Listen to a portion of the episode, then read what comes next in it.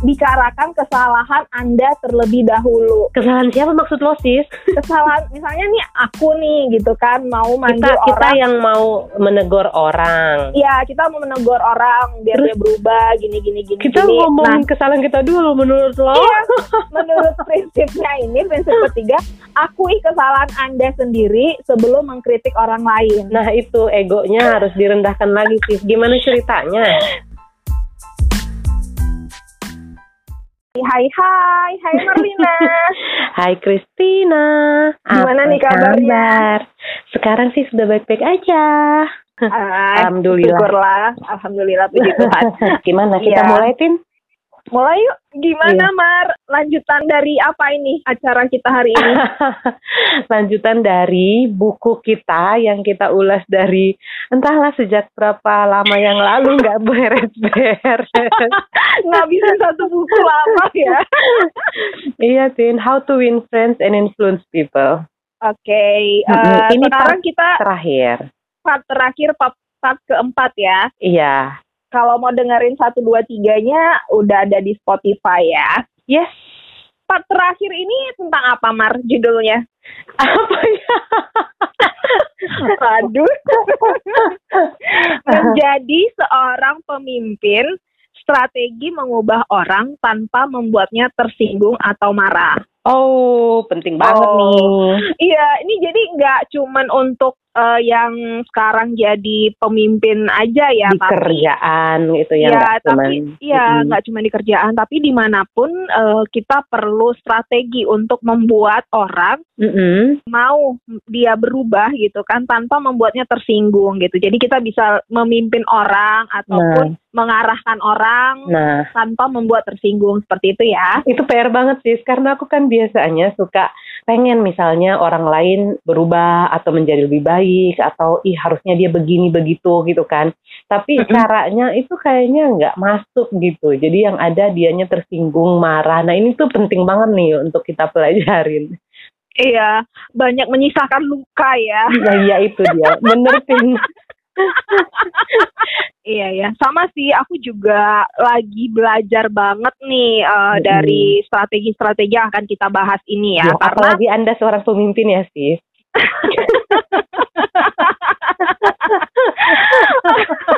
memimpin diri sendiri aja masih harus belajar terus ya. Jadi Mm-mm. eh, ini penting banget, apalagi orang lain gitu, Mm-mm. ya kan? Iya, Nah, karena orang lain itu berbeda dengan kita. Jadi kita harus tahu juga. betul. Tapi sebenarnya ada kesamaan sih antara orang lain sama kita. apa itu? Kesamaannya ya sama-sama pengen dihargai, dipuji, Nah. ya kan, diakui, Nggak- diarahkan. Gak mau di, Tidak dibilang dipojokkan. salah. Iya, tidak disalahkan, tidak dikritik, tidak di Mm-mm. Mau eh, didengarkan. seperti itu. Iya, Mm-mm. jadi sebenarnya garis secara garis besar ya kebutuhan manusia sih seperti itu. Cuman sering kali Mm-mm. kita dalam prakteknya gitu ya, Mm-mm. kita mungkin lebih ke mikirin diri kita dulu nih. Mm-mm. Kok dia Betul. giniin, kok dia giniin sih gimana gue kerja kayak gini dengan orang ini gitu kan. Jadi Betul betul betul. kayak Lupa kita- gitu untuk merasakan dari sisinya dia gitu. Betul. Jadi ya ini penting sih buat kita semua ya menurut aku. Aku juga belajar untuk mempraktekkan ini. Nah, kita bahas ya. Yang pertama, Yuk. Yuk. Jadi nanti ada berapa prinsip ya di buku ini untuk Mhm. eh, bab ini ada sembilan mar. Sembilan Oke. prinsip yang dia kasih tahu eh, Mhm. bagaimana cara tadi memimpin ataupun mengubah orang lain tanpa membuat tersinggung. Yang Mhm. pertama, Ya. bila Anda harus menemukan kesalahan, Oke. inilah cara untuk memulainya. Jadi gini, nggak mungkin dong kita dalam berinteraksi sama orang lain, mungkin orang itu selalu sesuai terus gitu kan. Betul. Pasti kita ada ada menghadapi mungkin tidak sesuai atau Mhm. kesalahan gitu. Nah, gimana supaya kita bisa memberitahukan bukan berarti kesalahan itu harus didiamkan juga ya dia nggak berkembang Hmm. dong gitu kan tujuan kita Betul. bisa nggak tercapai kita menemukan kesalahan tapi Mm. dengan cara yang baik itu dia bisa mau dengan sukarela untuk memperbaiki atau mengubah kesalahan tersebut. Nah, caranya itu tuh. Caranya, caranya di prinsip nomor satu ini dia bilang adalah dengan mulailah dengan pujian dan apresiasi yang tulus. Oh, abis itu kita rendahkan, campakkan dia. Iya, jadi aku juga kepikiran nih pas baca ini kan, oh ini yang kayak biasa kita dalam pertemanan kan ditinggikan dulu itu direndahkan tapi uh, tapi setelah aku baca lagi di buku ini mm, make sense sih. Jadi kayak gini kalau kita ujuk-ujuk ngasih tahu uh, kamu tuh kesalahannya ini ini ini ini bla bla bla bla panjang gitu kan. Nah. mungkin orang akan denial duluan. Eh, Betul. gue bisa salahin? Walaupun dia benar-benar salah bisa jadi dia nggak nerima tuh dia salah gara-gara sikap kita ngasih taunya kayak gitu. Nah di buku ini dibilang uh, coba lihat dari orang itu uh, pasti kan dari semua yang dilakukan tidak hanya melulu kesalahan ini saja dong, mm-hmm. ya kan? Pasti Betul. ada hal lain yang dia lakukan yang baik gitu. Tetapi nah, kita ada jangan lupakan gitu ya, yang baiknya ya. itu kadang kan terlupa kan. Betul, betul, uh-uh. betul. Jadi jadi uh, mulailah dengan pujian yang tulus ya tentu saja memang kebaikan yang telah dilakukan apa kasih tahu mm -hmm. dan kemudian baru kita sampaikan yang mungkin mm -hmm. yang harus diperbaiki. Jadi menurut di buku ini sih prinsipnya gini, setelah mendengar pujian untuk beberapa kebaikan kita, yeah. lalu akan lebih mudah mendengarkan hal-hal yang kurang menyenangkan. Nah, jadi dia udah agak longgar dulu gitu ya sis ya dia udah pasang uh, telinga atau nah, hati untuk iya. mendengarkan. Bukan gitu pasang ya. kuda-kuda untuk melawan ya. Iya.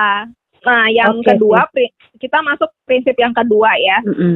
Nah, di prinsip yang kedua ini dikasih tahu bagaimana cara mengkritik dan tidak dibenci karenanya. Nah, gue tuh suka kritik, terus gue dibenci sih.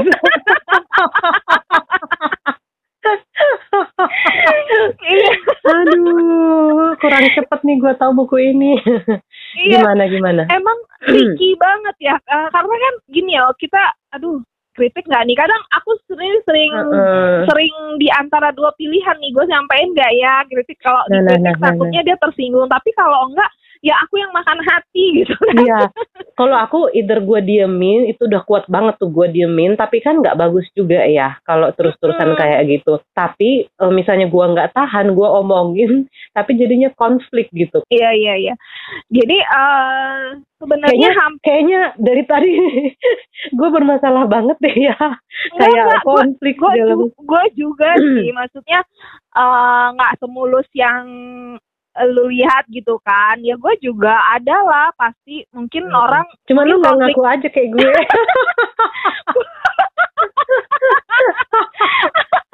Ya ya ini kan gue lagi ngaku nih. Oh iya. Gimana tuh? Ya jadi di sebenarnya hampir mirip dengan yang pertama gitu kan. Hmm. ya mengkritik memberikan memberitahu kesalahan itu hampir mirip sih. Jadi memang di sini dibilangnya adalah prinsipnya tunjukkan kesalahan secara tidak langsung gitu tunjukkan kesalahan secara tidak langsung nah hmm. e, di sini sih dicontohkan ya misalnya nih ada seorang anak ya kan iya. dia itu lemah dalam matematika. Oke. Okay. Nah, udah orang tuanya udah ngasih tahu belajar gini gini gini gini, tetap aja nilai matematikanya itu lebih rendah lah gitu mm -hmm. kan dari nilainya yang lain. Nah, suatu saat si anak itu ya udah disuruh belajar gini gini dia udah dia belajar gitu kan. Cuman dia memang belajar dan membaiklah nilainya gitu. Tetapi tidak untuk matematika. Nah, kemudian orang tuanya bilang gini, "Kami sangat bangga padamu." gitu kan karena nilai semestermu naik gitu semester ini naik dipuji Tapi, dulu lah Iya, tapi Iya, tapi kalau saja kamu bekerja lebih keras di ilmu aljabar, maksudnya di ilmu matematika, mm -hmm. nilaimu pasti akan lebih baik lagi gitu kan. Mm -hmm. Nah, pada kasus ini mungkin anak ini akan berbesar hati kan karena tadi kan dia dipuji dulu kan, oh nilai kamu udah baik kok eh, semester ini gitu. Tapi diikuti dengan kata tapi gitu kan. Tapi nah. yang mempertanyakan ketulusan dari pujian awal gitu nah. gitu kan. Iya gitu. Dan dan mungkin si anak ini apakah dia akan berubah gitu menjadi lebih rajin belajar matematika dengan uh, pernyataan Cara ini? Gitu. Belum tentu ya kan hmm. karena mungkin aja dia nggak berubah. Tadi kan kita mau buat orang berubah tanpa tersinggung ya kan, mm-hmm. judul dari awal tadi. Nah, mm-hmm. mungkin uh, bisa dicoba pendekatan seperti ini. Uh, kata tapinya diubah jadi dan. Jadi kayak gini. Kami mm. sangat bangga padamu Joni, misalnya nanya Joni kan, mm. karena nilai semestermu ini naik dan dengan melanjutkan hmm. usahamu di semester berikutnya, angka matematikamu pasti bisa naik juga nah, seperti yang enak lain. ya sih. Enak ya dengernya ya. Iya uh, bener sih kayak kata tapi itu kayak mempertentangkan sih. Kayak bener nggak sih lu tadi ngomong kalau sebenarnya iya. lu bangga gitu dengan hasil nilai gua Iya, ini aku teori ini udah tahu uh, lumayan nah, lama sebelum sebelum baca buku ini ya Maria. Tapi mm eh, tapi lagi iya maksudnya tapi pada prakteknya.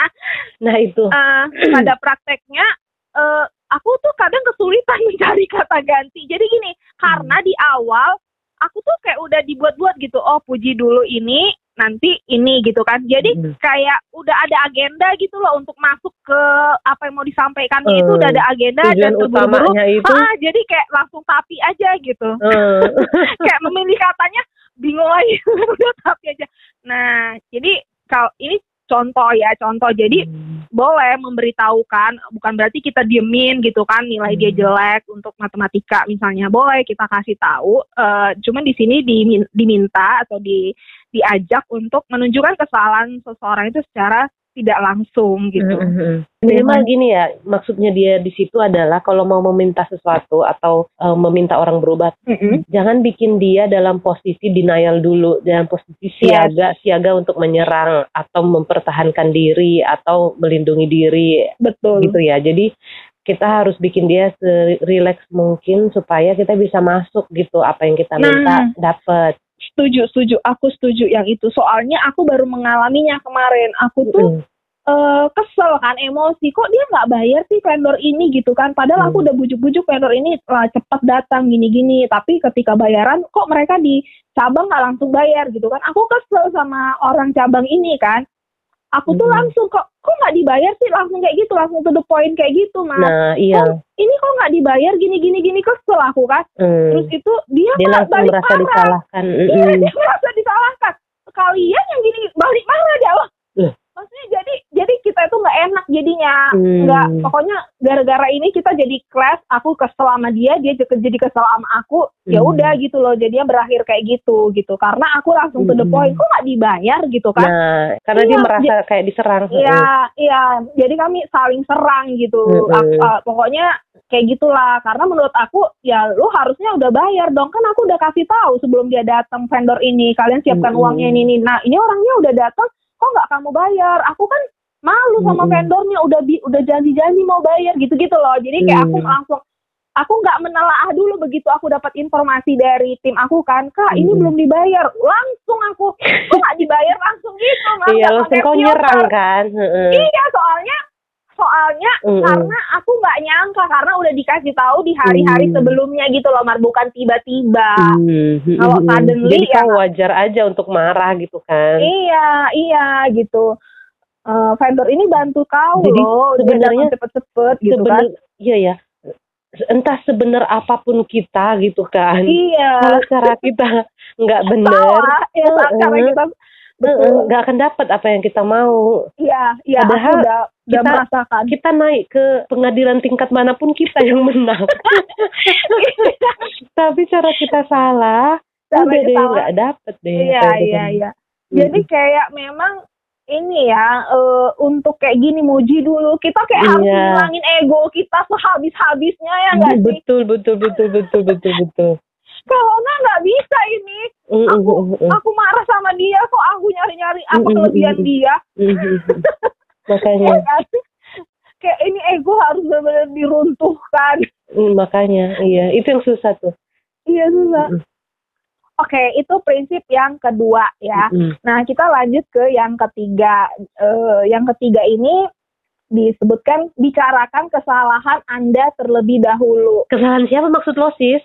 kesalahan misalnya nih uh, aku nih gitu kan mau manggil kita, kita yang mau menegur orang. Iya, kita mau menegur orang biar Terus, dia berubah gini gini gini. Kita gini. ngomongin nah, kesalahan kita dulu menurut lo. Iya, menurut prinsipnya ini prinsip ketiga, akui kesalahan Anda sendiri sebelum mengkritik orang lain. Nah, itu egonya harus direndahkan lagi sih. Gimana ceritanya? Gimana ceritanya ya? Jadi ada sih contoh di buku ini dia bilang si penulis ini Dale Carnegie ini dia punya sepupu eh punya keponakan mm yang kerja di lembaga dia. Nah, usianya masih 19 tahun. Nah, uh, di di kemudian si keponakan ini banyak lah adalah melakukan kesalahan gitu kan. Mm-hmm. Menurut dia, aduh kok kayak gini sih kerjanya gitu kan. Dia mm pengen banget tuh langsung manggil kasih tahu berat-berat kesalahan kamu gini gini gini. Tapi uh, karena dia ya udah menerapkan prinsip ini ya, jadi dia nggak langsung ngelakuin, hey kamu ini ini, ini. gitu hmm. aja sih. Secara dia bosnya juga kan, hmm. terus itu hmm. si anak-anak wajar baru aja gitu, gitu kan? Ah, wajar aja, tapi dia nggak ngelakuin itu karena dia tahu pasti apakah si itu uh, si ponakannya ini nanti akan berubah gitu, staffnya ini hmm. akan berubah gitu kan. Hmm. Nah dia dia kan tujuannya supaya orang bisa berubah dengan senang hati kan. Nah kemudian hmm dia yang dia lakukan adalah dia pikir gitu kan. Dia apa pikir salahku? oh, gitu ya.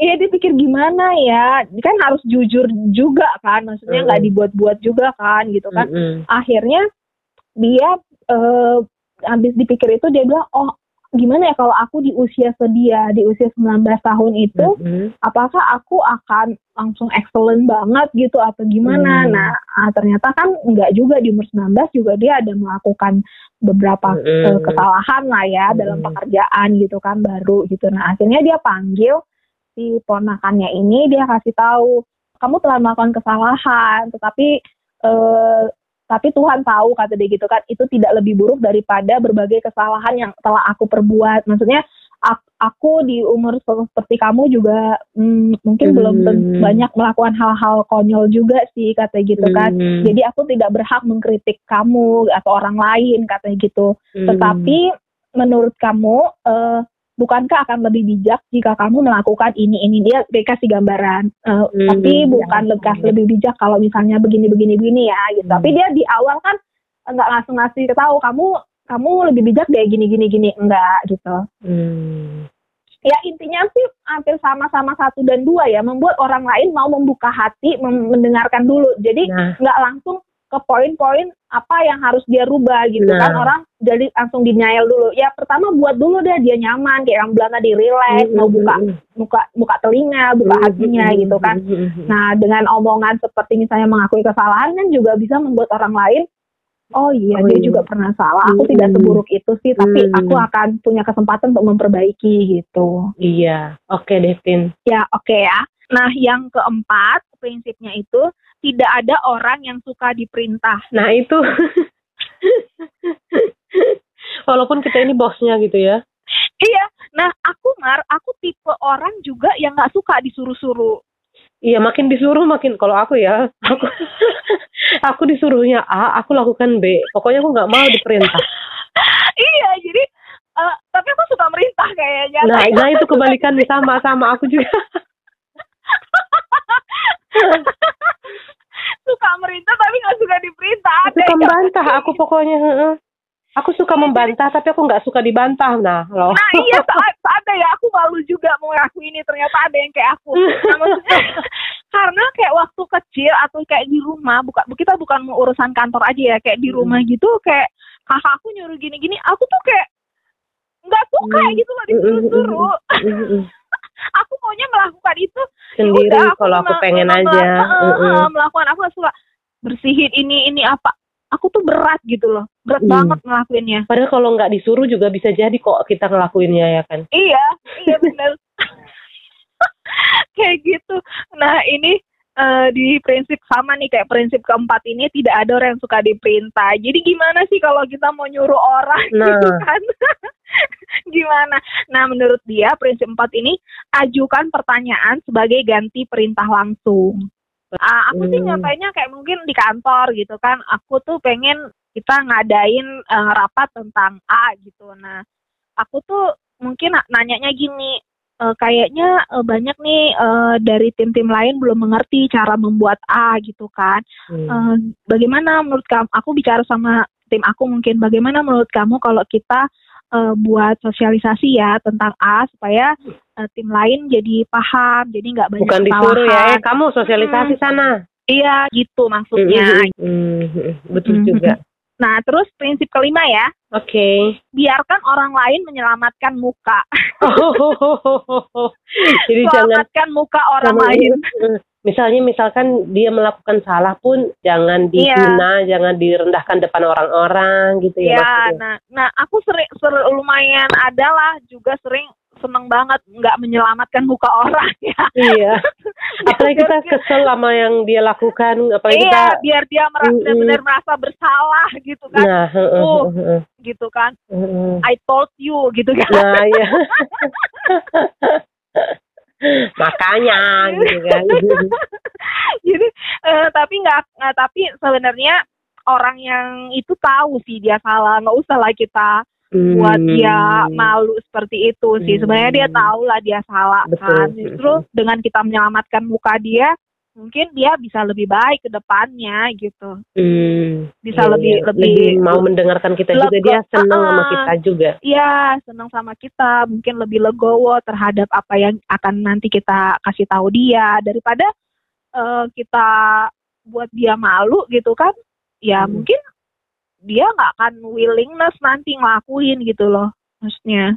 Hmm, betul betul betul betul gitu. Jadi menya, uh, ada contoh nih, mungkin kamu juga pernah sih ngalamin atau aku nggak tahu atau hmm. orang lain. Jadi kayak di kantor misalnya ada nih dia uh, orang baru kan, ibu hmm. ibu ini orang baru, dia spesialis pemasaran. Nah hmm. dia ditunjuk untuk memasarkan suatu produk baru nih hmm. di perusahaannya ini dia baru masuk langsung megang produk baru. Nah kemudian dia uh, ngelakuin uh, apa disuruh ngelakuin tes lah ya tes survei atau apa kayak gitu. Nah, ternyata setelah hasil surveinya keluar itu ada kesalahan serius, jadi seluruh tes harus diulang gitu lah. Waduh, ininya. fatal banget kan. Uh -uh, uh -uh, sedangkan dia udah nggak punya waktu untuk mengulang karena udah ad, harus ada rapat dengan atasan gitu loh hmm. untuk melaporkan proyek produk baru ini gitu. Udah ada hmm. udah ada timelinenya lah rapat pertama gitu gitu kan udah nggak mungkin lagi diulang.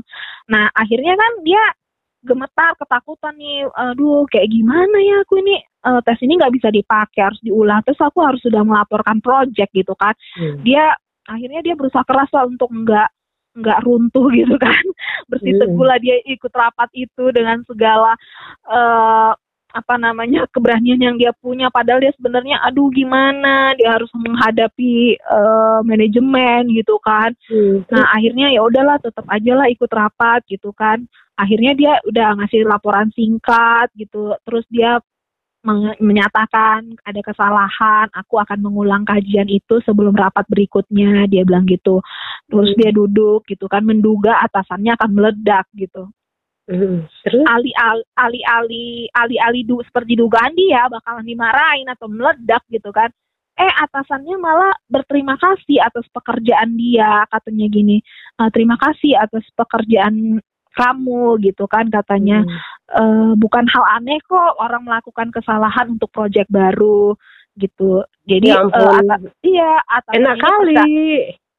Iya, atasannya ini percaya survei ulangan akan membuat uh, hasil lebih akurat dan bermakna bagi perusahaan gitu. Hmm. Terus uh, ya udah dia uh, percayalah dia uh, si ibu ini akan melakukan yang terbaik gitu-gitu kan hmm. untuk uh, berikutnya gitu. Uh, sebenarnya kamu bukan karena kurang kemampuan, uh, mungkin hmm. kurang pengalaman aja gitu kan. Ya udah, si ibu ini akhirnya meninggalkan rapat itu dengan kepala tegak kan, nggak jadi merasa pahit gitu loh. Uh, karena dia merasa uh, ya udah dia merasa di dipercaya atau di tidak diremehkan atau tidak dibuang gitu aja atau di tidak dihargai dia nggak merasa seperti itu. Jadi dia bisa meninggalkan rapat itu dengan kepala tegak dan teguh bahwa aku tidak akan pernah lagi mengecewakan atasanku malah muncul seperti itu gitu. Somehow memang itu benar terjadi sih, benar terjadi seperti ibu itu ketika kita diselamatkan hmm. mukanya gitu kan. Tuh. Karena tadi sebenarnya secara psikologis ibu itu sendiri sudah merasa malu sendiri sih tanpa hmm. dipermalukan sebenarnya dia sudah tahu dia malu hmm. itu, sudah tahu dia salah. Nah, gimana kita sebagai atasannya atau sebagai orang di luar dia memahami kondisi orang itu hmm. dan memberi apa ya ya legowo tadi memberi kesempatan. Aku pernah mengalami, maksudnya bukan aku, aku pernah melihat seperti ini sih. Kayak misalnya waktu itu uh, di rapat gitu kan. Hmm, hmm. Jadi ada ada eh, orang gitu, dia pimpinan gitu kan. Dia uh, presentasi di hadapan direktur gitu. Nah, memang dia omset revenue nggak tercapai gitu kan karena ada hmm. target revenue revenue nggak tercapai pokoknya jauh lah gitu kan uh, dari target belum 100%. Nah, uh, sedangkan eh, cabang-cabang lain gitu udah mencapai, tapi dia hmm. belum gitu. Nah, waktu itu dia menyampaikan kan evaluasinya gitu kan ya revenue tercapai sekian persen gitu 80 persen terhadap target misalnya. Nah uh, dia malu dong dengan pencapaian itu dikala orang 90-an, hmm. 100 mungkin dia 80-an gitu kan. Malu sekali jauh dari target. Hmm. Uh, tetapi respon dari uh, mungkin yang hadir di situ direksi atau apa, oke okay, tahun 2020 memang berat buat buat kita gitu-gitu loh, memang hmm. berat buat kita. Pokoknya uh, sebenarnya kalau mengatasnamakan tahun 2020 berat ya buktinya ada orang yang tercapai kan sebenarnya sebenarnya nggak bisa juga itu jadi excuse kan untuk nggak capai gitu. Toh orang lain juga ada yang capai. Tapi uh, waktu itu di luar dugaan malah uh, memberi semangat malah. Semoga 2021 ini uh, kan itu uh, rapatnya itu Januari 2021 kan untuk eh, pencapaian 2020 nah ya udah sama perencanaan 2021 nah semoga 2021 ini dikasih semangat uh, bisa lebih mengembangkan ini ini ini jadi nggak dimarahin gitu kan. Jadi hmm. uh, ya somehow sih kayak gitu uh, si pimpinan ini jadi oh aku di apa ya dibesarkan hatinya. Aku 2021 hmm, ini maulah ya. uh, tercapai gitu kan. Masa besok tahun depan aku nggak capek lagi kayak gini ini udah dikasih kesempatan misalnya gitu. Tapi nggak nggak nggak selalu sih di perusahaan kadang kok nggak capek kadang juga gitu wah berapa ini? Kayaknya ya, tergantung kondisi hati si direksinya deh. Ya itu uh, contoh lah gitu kita mungkin yeah. lihat lihat lah maksudnya mm -mm. kalau berkali-kali ya mungkin ya. Mm -mm.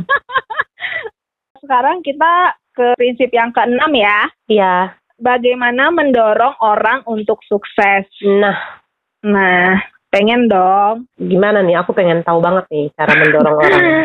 Iya, uh, kalau di sini katanya prinsip 6 itu caranya adalah dengan beri pujian atas setiap kemajuan betapapun kecilnya.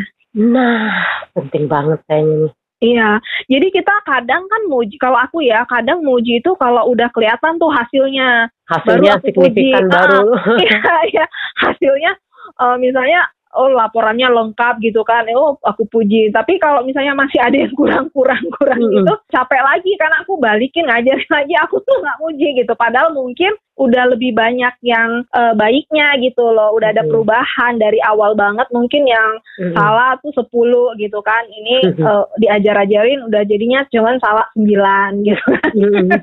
Nah aku tuh pengennya udah salahnya tinggal dua atau nah, nol baru gitu kan. dipuji. kan iya baru dipuji.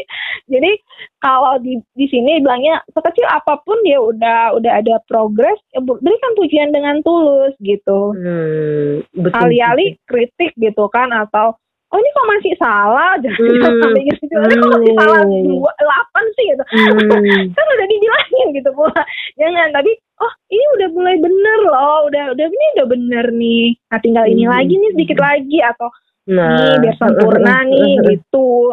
Iya ya, bikin semangat sih emang ya. iya, jadi uh, aku tuh pernah tuh belajar mobil kan dulu kan. Jadi kayak guru yang ngajarnya tuh langsung ngejudge. Kamu tuh nggak bisa ini nggak bisa oh, memperkirakan. Dibilang iya nggak bisa memperkirakan gitu kan kiri kanan. Ya namanya baru kan waktu iya. awal-awal itu kan.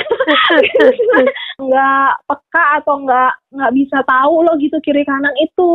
Nggak agak mengagak-agaknya nggak nggak pinter gitu loh katanya. Mm -hmm. aku ciut kan ah, gue se nggak bisa ini ya macam aku nggak bisa naik mm-hmm. bawa mobil ya? Gue down gitu kan aku nggak mm-hmm. bisa kiri kanan aku takut ketabrak dong kalau aku memang nggak bisa kayak gini gitu loh kan iya iya ngerti ngerti kebayang kebayang. kayak kayak tambah low gitu kemampuan aku tuh tambah tambah nggak beranian jadinya iya, karena iya, statement dia itu tambah gitu, ya. takut malah terlalu hati-hati kiri kanannya juga malah nggak bisa iya Hmm. Iya, jadi kayak udah selesai belajar mobil itu pun jadi kayak nggak berani dilepas gitu loh. Kayak hmm, aduh kayak aduh harus bisa, ada orang. Bisa, iya, gitu, kayak kan. ada ada orang gitu. Aduh gimana nih kalau dilepas gitu-gitu belum hmm. ada gurunya gitu. Jadi pengajar aku ya dia nggak ya dia pengajar ini nggak tahu lainnya. Hmm. Jadi nggak tahu ilmu ini maksudnya dia nggak jadi maksud aku inginnya sih baiknya ya. Sekecil apa pun kemajuan aku dalam bermobil itu mungkin aku nggak langsung bisa dong memang kan uh, langsung hmm, tap, tap, tap, juga belajar uh, uh, langsung ngerti gitu bawanya kiri kanan mundurnya hmm. Memperkirakan itu mungkin nggak langsung sempurna gitu. Tapi kalau seandainya dia kemarin itu mengapresiasi atau memuji sekecil apa pun pencapaian aku hari demi hari aku belajar itu mungkin aku akan lebih pede lebih berani lebih bisa itu lagi siapa? malah. siapa itu yang kayak gitu tin? Sini. Biar aku labrak orangnya begituin temen aku. Jadi aku dua jadi aku eh, malu nih aku pengakuannya. Jadi aku dua kali dua kali periode lesnya coba bayangkan. Enggak itu yang maksudnya maksudnya aku ngerti banget Tince betul banget loh itu. Kita jadi mempertanyakan diri. Aku memang beneran nggak bisa kayaknya nih gitu. Padahal misalkan nih dia sebagai guru mungkin kan tiap orang beda-beda ya. Kamu nggak bisa memperkirakan kiri kanan. Uh, murid dia yang lain nggak bisa apa nggak bisa apa kan beda-beda gitu kan. Iya iya. Jadi wajar-wajar aja. Saat itu memuji ke kelihayanku atau kebisaanku mm -hmm. dalam hal apa gitu mungkin makin pede lah kau kan makin pede dan masalah kiri kanan ini udah nggak aku pertimbangkan lah nggak mm -hmm. jadi ketakutan nggak jadi momok aku merasa mm -hmm. aku serba bisa semuanya mm -hmm. loh aku mungkin besoknya udah langsung udah pak saya aja sendiri gitu karena saya loh Maksudnya gini ya, tetap dia ngasih tahu kalau kita harus lebih hati-hati terhadap kiri kanan. Uh, enggak yang langsung bilang, ya kamu keren kiri kanannya enggak juga kan pada dasarnya memang kamu kurang di situ iya. kan wajar iya. kalau dia ngasih tahu. Mm -mm. Tapi enggak mm -mm. jadi demotivasi atau jadi mempertanyakan dirimu atau malah jadi kamu, iya ya memang aku beneran nggak bisa nih. Jadi iya. kamu ragu terus gitu menurut aku pengajar penting banget sih. Penting banget sih. Uh, pengajar apa pun ya SD hmm. apa mobil hmm. apa nyanyi guru les nyanyi uh, hargailah atau pujilah sekecil apa pun kemajuan hmm. atau ada dia punya kelebihan gitu uh, betapapun kecilnya kemajuan itu berilah pujian dengan tulus gitu. Hmm. Itu iya, akan mendorong dia untuk lebih berkembang lagi. Hmm, setuju sih, Tin. Nah, iya. prinsip tujuh ya, kita yeah. masuk ya. Uh, prinsip tujuh, berilah nama yang bagus kepada seekor anjing. Apa sih maksudnya? Jadi prinsip tujuh ini beri reputasi yang tinggi untuk dicapai. Oh, maksudnya kasih si orang itu reputasi untuk dia capai. Belum belum. Iya. Jadi gini, kamu kamu kan bagus banget tuh dalam pekerjaan kan, excellent gitu, selalu dapat performa yang yang teratas lah gitu kan selama oh, bertahun-tahun oh, gitu kan. Oh, uh, hoax ya, pendengar hoax. which is aku nggak kayak gitu.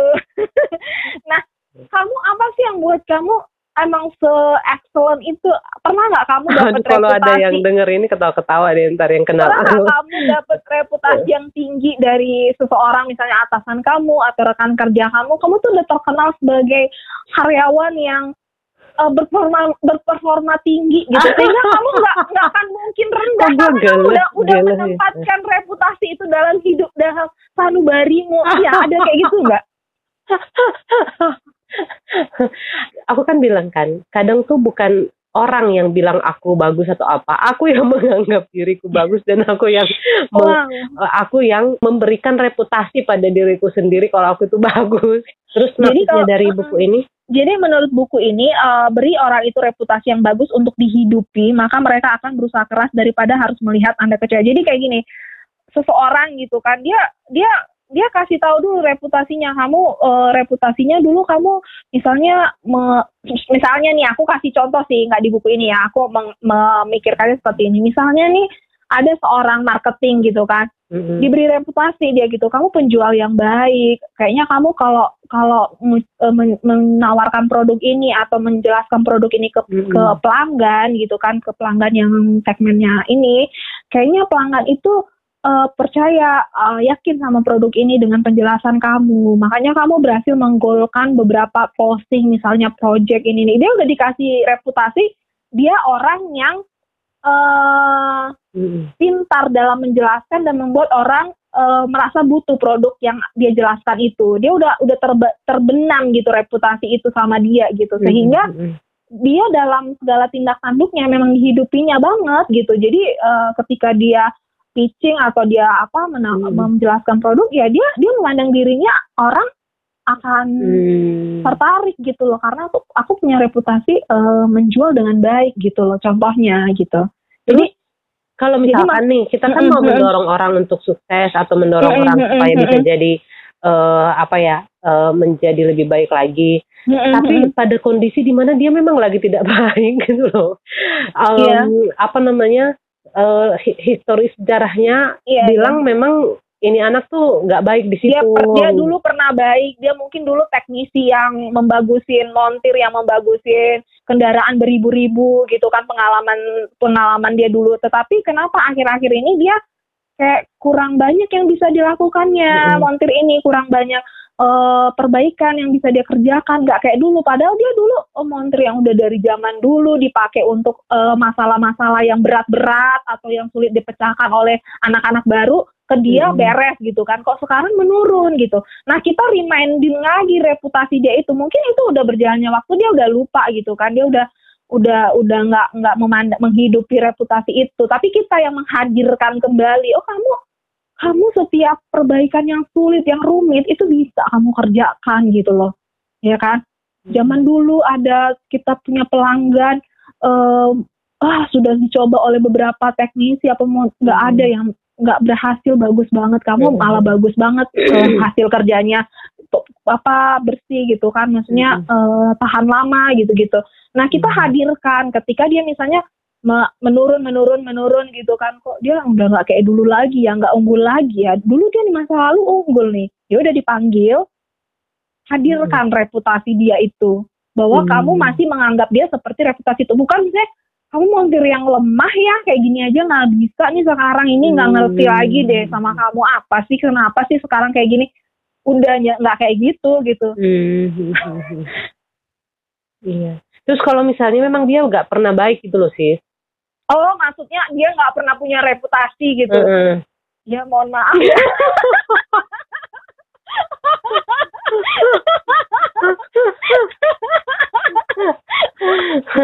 nah, atau contoh gini, ada contoh nih.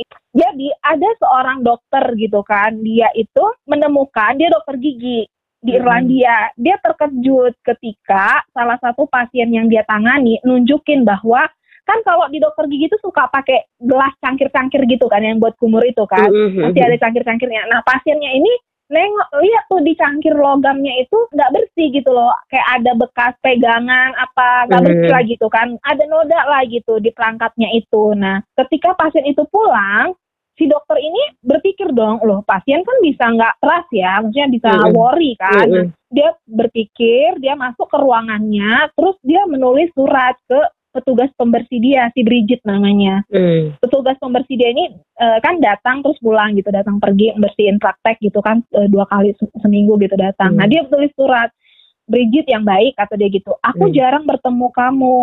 Karenanya aku pikir aku akan meluangkan waktu untuk berterima kasih kepadamu atas pekerjaan kebersihan yang baik yang telah kamu lakukan.